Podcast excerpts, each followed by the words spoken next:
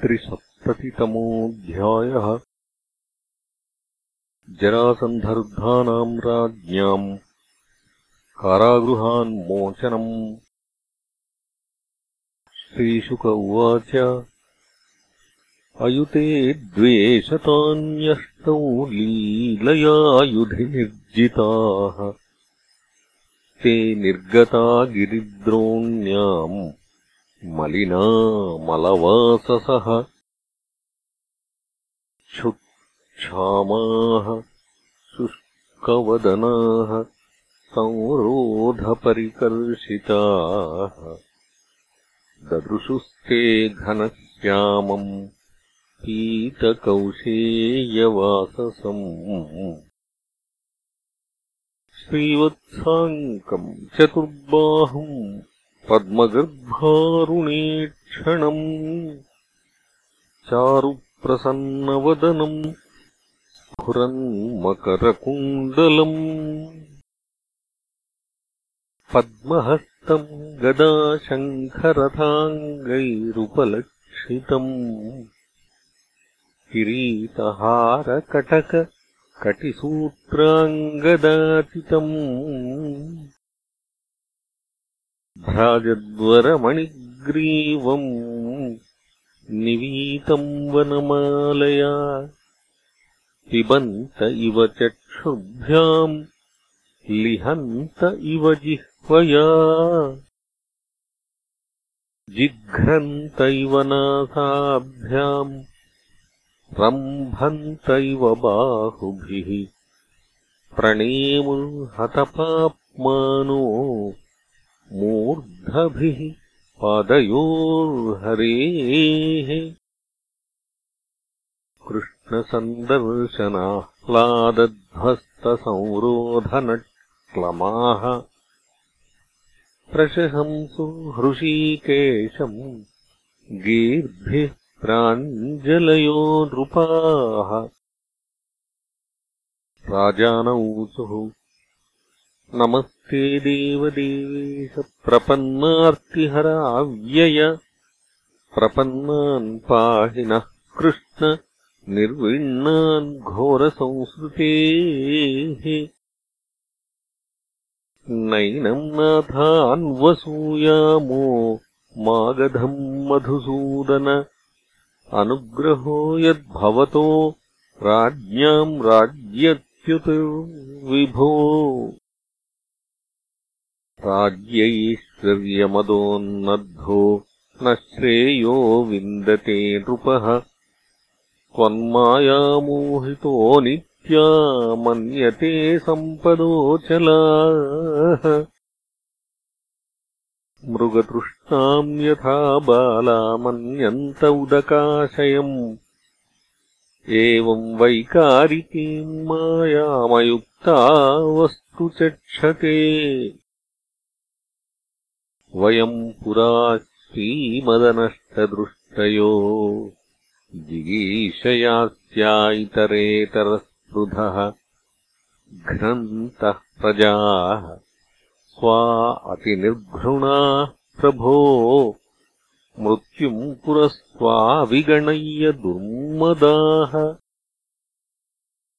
त एव कृष्णाद्यगभीररंहसा दुरन्तवीर्येण विचालिताः श्रियः।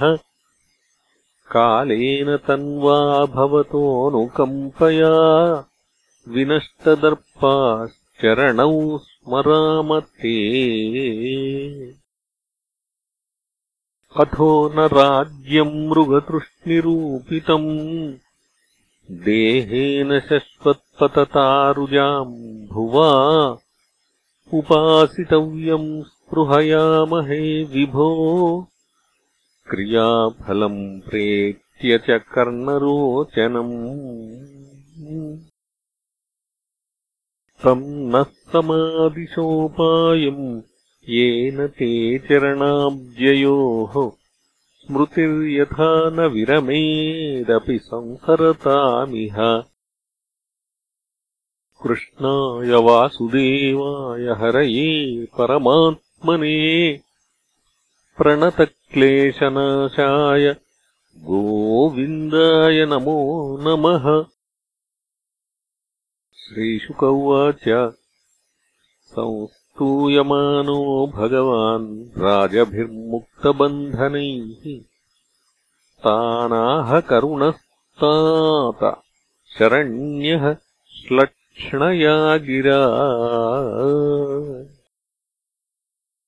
श्रीभगवानुवाच। अद्य प्रभृतिवो भूपामय्यात्मन्यखिलेश्वरे। सुदृढा जायते भक्तिर्बाढमाशंसितम् तथा। दिष्ट्या व्यवसितम् भूपा।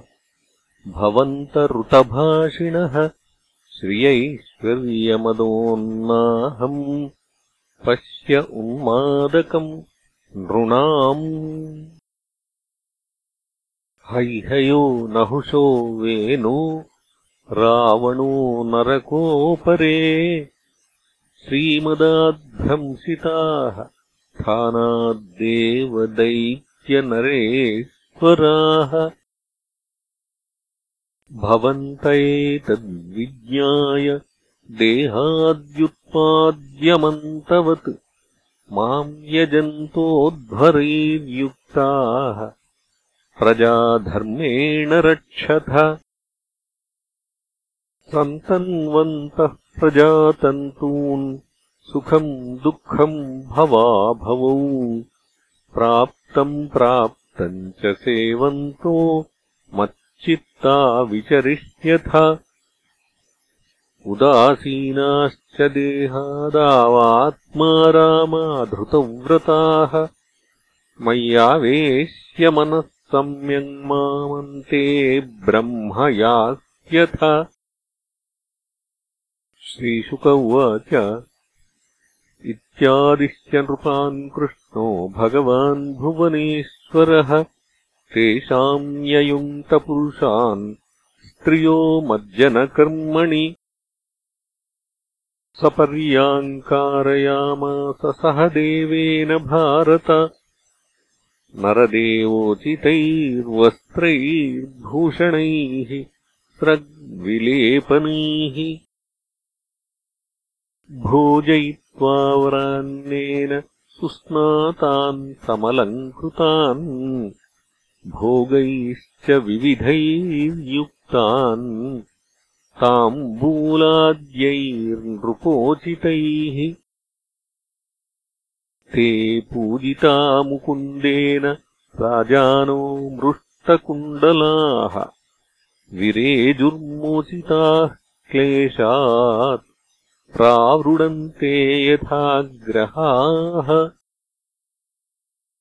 रथान् सदश्वानारोप्य मणिकाञ्चनभूषितान् प्रीणय्यसूदुतैर्वाक्यैः स्वदेशान् प्रत्ययापयत्।